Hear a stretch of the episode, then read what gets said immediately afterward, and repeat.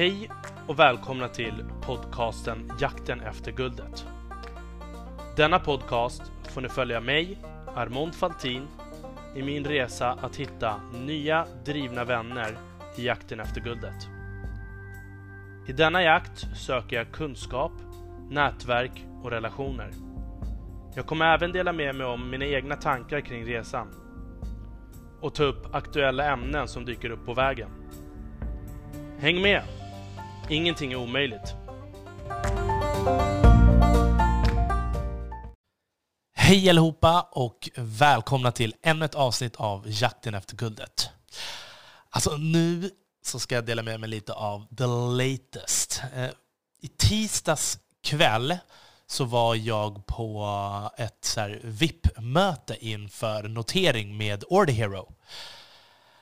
Alltså, det var, det var superkul och superspännande. Det var så himla mycket olika karaktärer och människor som var där. Det var allt ifrån liksom tidigare, alltså personer som har gjort eh, exit på olika branscher och det var allt ifrån vanliga investerare, vanliga sparare och det var bara en härlig blandning människor.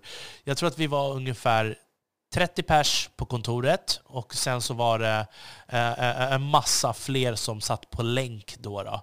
Och, det, var, det var en härlig stämning där liksom ja, det var spännande frågor, många skojade och drev lite grann med varandra också. Men alltså, wow vad imponerad jag blev av deras pitch och deras strategi som de har med Order Hero. Uh, som jag, precis som jag har berättat för er tidigare, så Alexander Goga, han som uh, driver Order Hero, är ju, han har gjort en exit tidigare med Service Finder, så att han har liksom pengar i ryggen.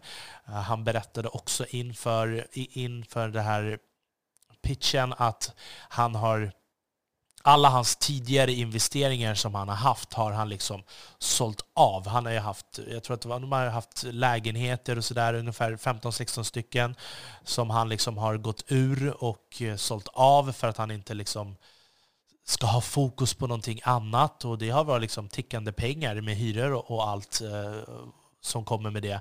Och, och sen har jag haft eh, ett sneakersföretag också som han går ut ur. Nu är det liksom bara all in.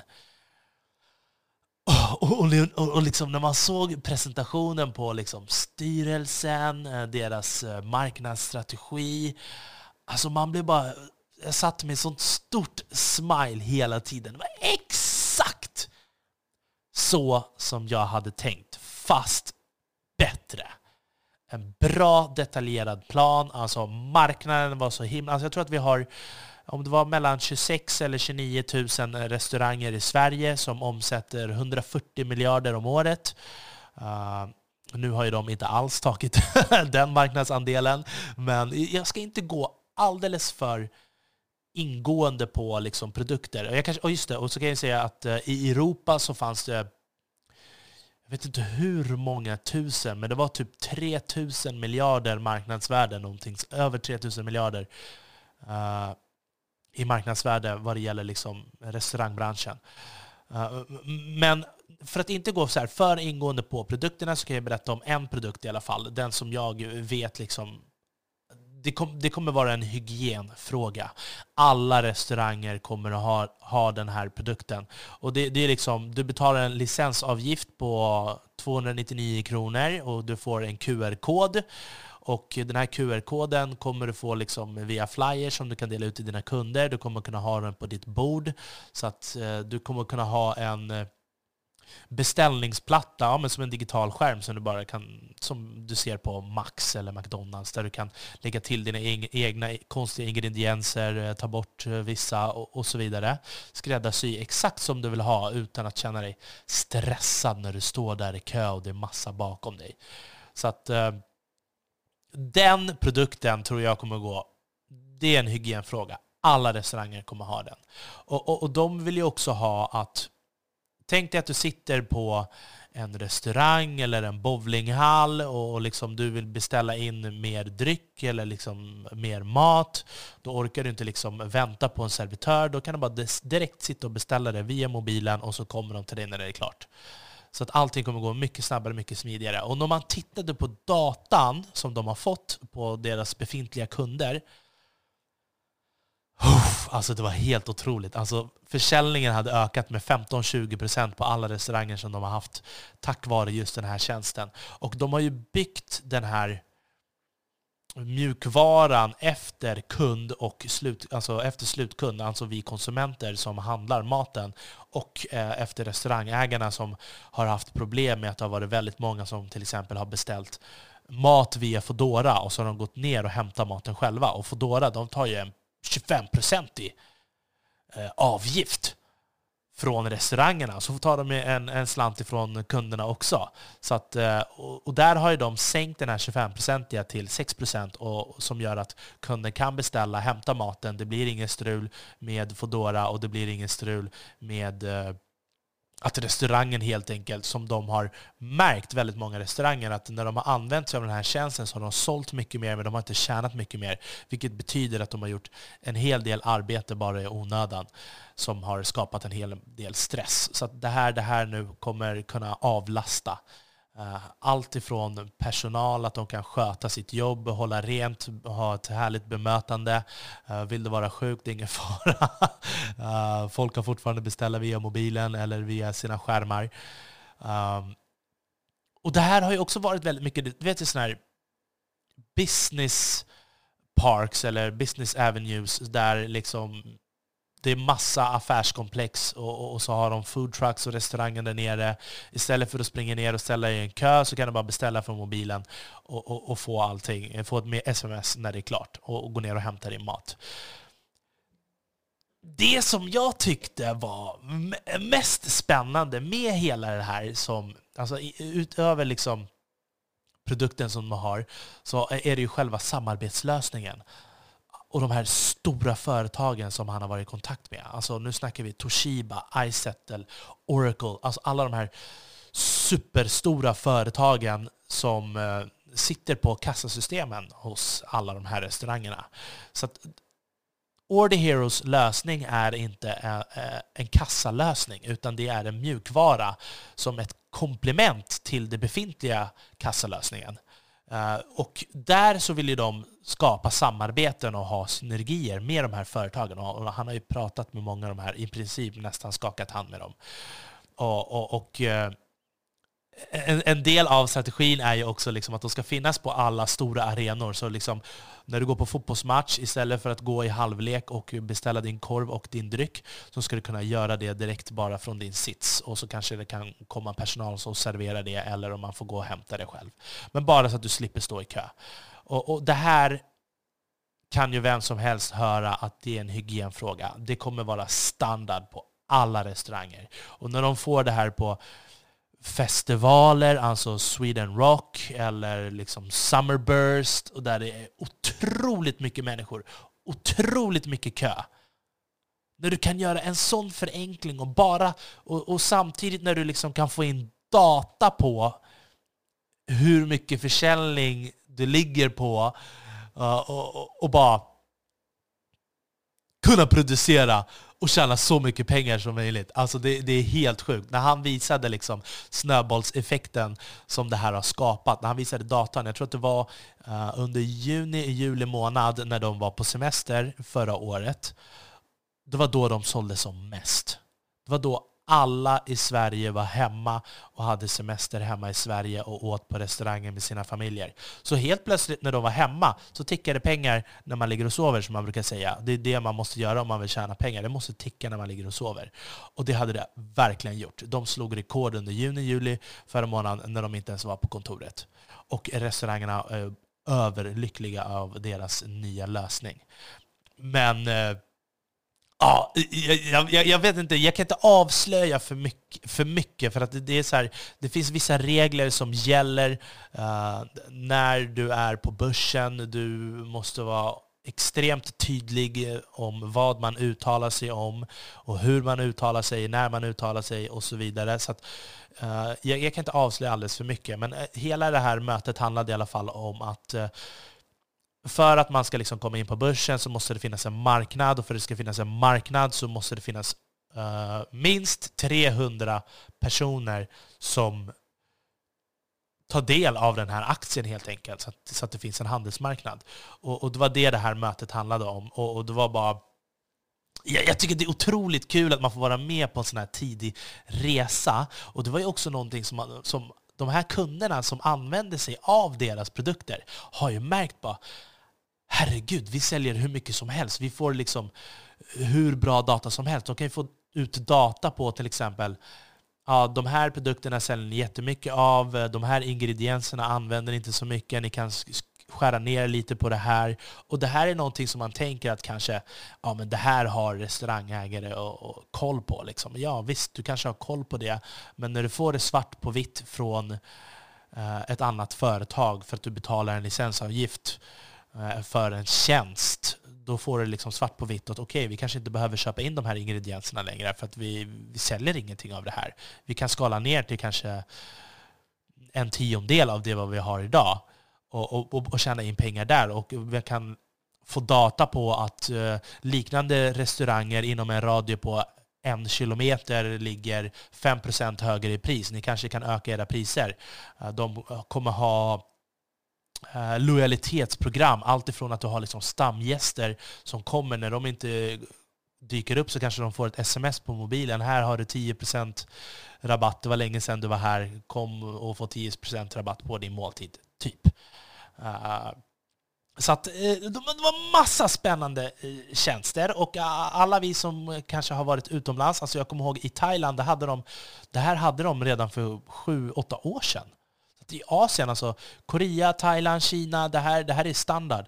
Um, jag har hört att de har det på restauranger i Norge också. Eh, eh, liksom det är överallt så har de den här tjänsten. Det är liksom det nya. Generation Z, som idag är 25 år, de äldsta de orkar inte ringa till telefon, på telefonen och liksom göra sina konstiga beställningar, utan de vill göra allting via telefonen helt enkelt, när man gör sina specialbeställningar. Så att, eh, ja, det här kommer bli otroligt grymt. Och nu kommer vi till styrelsen.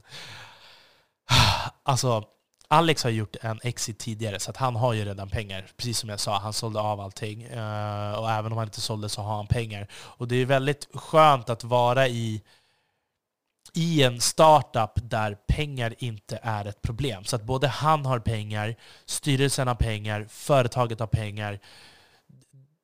Att inte ha den stressen det, det ger liksom en helt annan ro i kroppen. Samtidigt som du har eh, en ro om att folket har gjort det här tidigare. Jag tror att det var en kille som heter Marcus. Jag har för mig att han jobbade på EQT. Och eh, han är ju otrolig erfarenhet vad det gäller investeringar och eh, diverse branscher och den här branschen. Och sen så var det en annan kille som också hette Marcus, Marcus Gullin. Jag tror att han hade hämtmat.se eller någonting ah, som han byggde upp och sålde till Delivery Hero som jag har pratat om tidigare. Delivery Hero som ägs av Niklas Östberg som har eh, ett marknadsvärde på 35 miljarder euro. De äger bland annat Fodora. Uh, eh, och, och, och jag, jag, sa ju det där med Order Hero, Delivery Hero och, och Alex har självklart är det en flört med dem också. Uh, nu, nu, är det så att det kan ju komma vilka drakar som helst som kanske uh, vill köpa upp eller samarbeta eller vad som helst. Alltså, inga dörrar är stängda. Men det, det var i alla fall en del av den här strategin är ju att förvärva liknande bolag och, och liksom växa på så sätt samtidigt som de gör de här stora samarbetena med de här stora företagen som eh, Settle eller Toshiba och, och, och, och sådär, och Oracle. Och, och, jag menar, om du får deras kundregister på deras kunder i uh, ett visst område och liksom bara kommer med en tilläggstjänst som kan förbättra deras försäljning. Och marknaden är tillräckligt stor för att alla ska kunna bli mätta. Alltså, eh, som sagt, jag får inte berätta för mycket. Men det här var en extremt... Ja, och, och, och Marcus Gullin som redan har gjort en exit, sålt till Delivery Hero. Alltså det är omöjligt att, att efter du har gjort en exit, att nästa gång i samma bransch så vill du göra den bättre. Och han sitter på the blueprint. Han sitter på svaren, han sitter på alla fallgropar. Och eh, han, han kan ju garanterat halvera den här exekveringstiden, 100%. Och, och sen så kollade vi också på, sist men inte minst, eh, störst skulle jag nästan säga, det är ju Ash Panuri. När de visade Ash meritlista på de företagen som han har varit tidig och investerat i. Alltså det här var ju Aviciis gamla manager. Han han är ju grundare av Brilliant Minds som jag sa, tillsammans med Daniel Ek eh, som har tagit hit eh, Barack Obama, Cardi B och Naomi Campbell. Och det är liksom scientist meets artist, artist meets entrepreneurs. Någonting sånt där är deras slogan. Så har ju han också varit tidigare investerare i Airbnb, Bolt, Uber. Alltså, bara riktigt feta företag. Eh, Triller, där de har över 300 miljoner användare. Och det här var ingen kompisgrej. Alex hade jobbat på honom ett år, eh, från ett halvår, år på att liksom ta in honom i det här och Ash går för första gången in i ett bolag som omsätter endast cirkus 5 miljoner eh, kronor. Det skulle inte han göra om det inte finns en extremt smart, strategisk, detaljerad plan framåt. Alltså jag har svårt att se mig att han skulle gå upp ur sängen och vara aktiv i en styrelse som omsätter så pass lite pengar om han inte kan göra ett minimum på, ja men vad ska man säga, 100 miljoner åtminstone. Tror jag. Ja, så hade det varit för mig i alla fall om jag hade varit Jag hade inte gått upp i sängen för mindre än 100 miljoner. men, och, och, och, och tack vare den översikten som han har på massa olika marknader, massa olika industrier. Alltså det ger han ett sån, en sån framåtblick, ett sånt nätverk, så att det är helt otroligt. Och jag tror 100% att nu, de som kommer lägga in pengar i det här, alltså det, det, det, det Lägger du in 100 000, då kommer du göra en miljon, 100 procent inom två, tre år. Lägger du in en miljon, det är 10 miljoner och, så vidare. och så vidare. Uh, nu vill inte jag rekommendera någon att göra någonting utan att göra sin egen hemläxa. Men har jag några lyssnare här som vill investera, gör er hemläxa, kolla uh, riktigt noga och sen kan ni kontakta mig på Instagram eller Facebook så kommer jag skicka länk eh, på beskrivning hur ni ska göra för att investera tidigt. Och också, en av anledningarna som jag tänker på mest var så här, okej, okay, men varför vill man gå till börsen när man omsätter så pass lite pengar? Då tänker man oftast att ah, men det, det finns inga pengar. Och det stämmer inte, för det finns jättemycket pengar. Både hos ägare, både hos styrelse. Det här har varit ett önskemål från deras kunder, det vill säga restaurangerna. När de har sett hur mycket mer pengar de har tjänat så har alla, eller de flesta har frågat Finns det något sätt där vi kan få vara med på det här? Och därför så har de bestämt sig för att ja, vi vill faktiskt att våra kunder ska få vara med på den här resan och också kunna investera. Samtidigt som de vill att liksom the community, alla vi andra runt omkring som har stöttat och supportat, äh, vänner, äh, kollegor och, och liksom Ja, alla som liksom bara följer resan som vill vara med ska kunna få vara med. Samtidigt som det är mycket enklare att förvärva bolag om du redan finns på börsen. Och det är det som är deras hostile takeover plan. Att förvärva liknande bolag som gjort samma resa, kanske köttar, köttar stenhårt, har inte samma kassa, har inte samma styrelse. Uh, traskar sig fram helt enkelt så kan de liksom köpa upp dem och så får de lite aktier i det här bolaget, kanske en liten slant. Och så är de med på en fantastisk resa utan en massa huvudvärk. Ja. Ah, alltså, det var helt... Och han visade ju också det, liksom, strukturen på företagsstrukturen när du liksom ska anställa och, och, och liksom göra den här snabba resan. Jag har ju pratat om det tidigare. Liksom. När, när du ska anställa 300 pers, okej, okay, då måste du anställa från toppen uppåt. Det är alltifrån liksom, uh, olika chefer på olika marknadschefer, liksom, e ekonomichefer, uh, tekniska chefer, CTOs och allt det där. Liksom, alla det där, hela det där trädet var liksom tydligt för oss. Och, ah, jag tycker bara det är så otroligt. Så det, det kommer, de, allting är liksom sett. Och, och deras internationella expansion, som jag sagt tidigare, de har ju funnits med i liksom tabloider och sånt där i England och, och sånt tidigare också. Så hela deras marknadsplan som jag såg att de hade, den var brutal. Den var brutal. Och det här fick ju mig att tänka på... Alltså jag har ju sökt efter ett team. Jag har ju sökt efter ett företag. Ett team, ett företag, en produkt som jag tror på. Uh, ett team som jag tycker är kompetent, som liksom har omvärldsbevakning, har uh, olika kompetenser, har erfarenhet från branschen. Som man liksom bara kan hoppa in i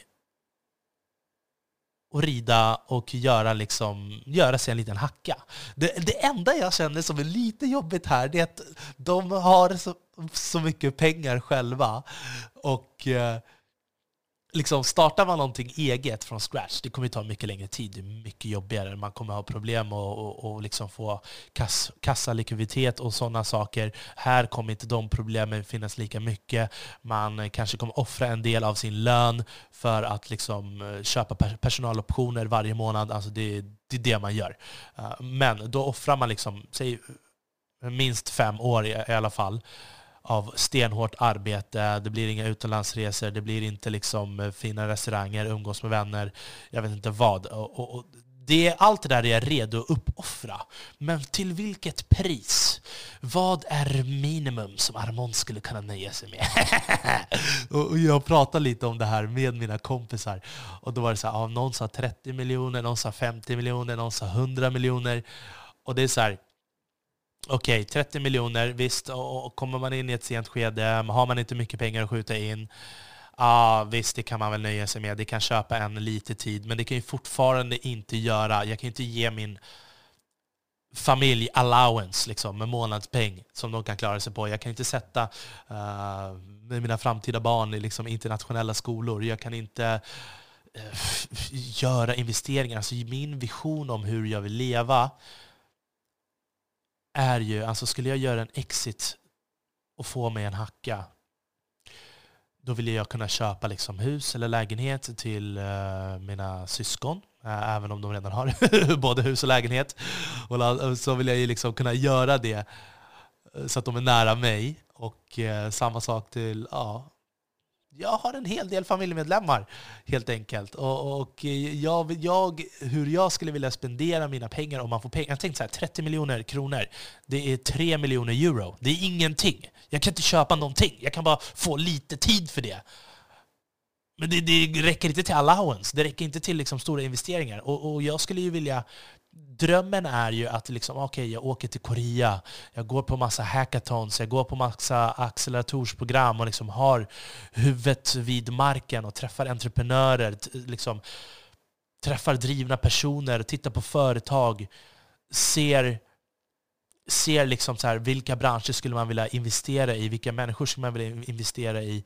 Och så skulle jag vilja resa runt. Liksom i världen och gå på lite olika kanske Antler-program och lite andra inkubatorsprogram.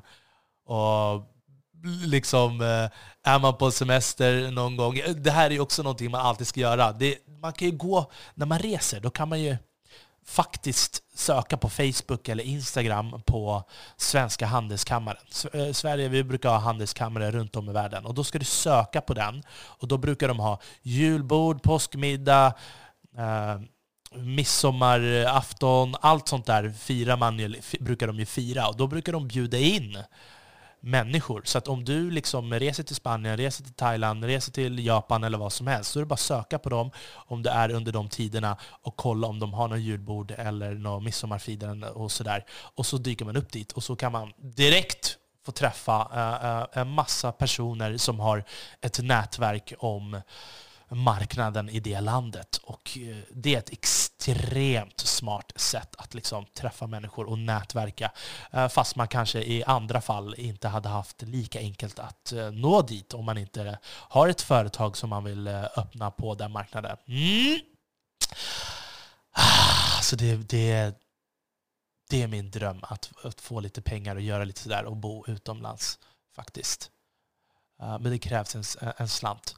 Skulle man starta någonting själv eller hoppa in i ett företag som eh, kanske inte heller har jättemycket och man liksom bara köttar, då finns ju chansen att man faktiskt kan få lite mer pengar så man köper sig själv lite mer. Eller, alltså för mig är det, om jag inte kan köpa tid för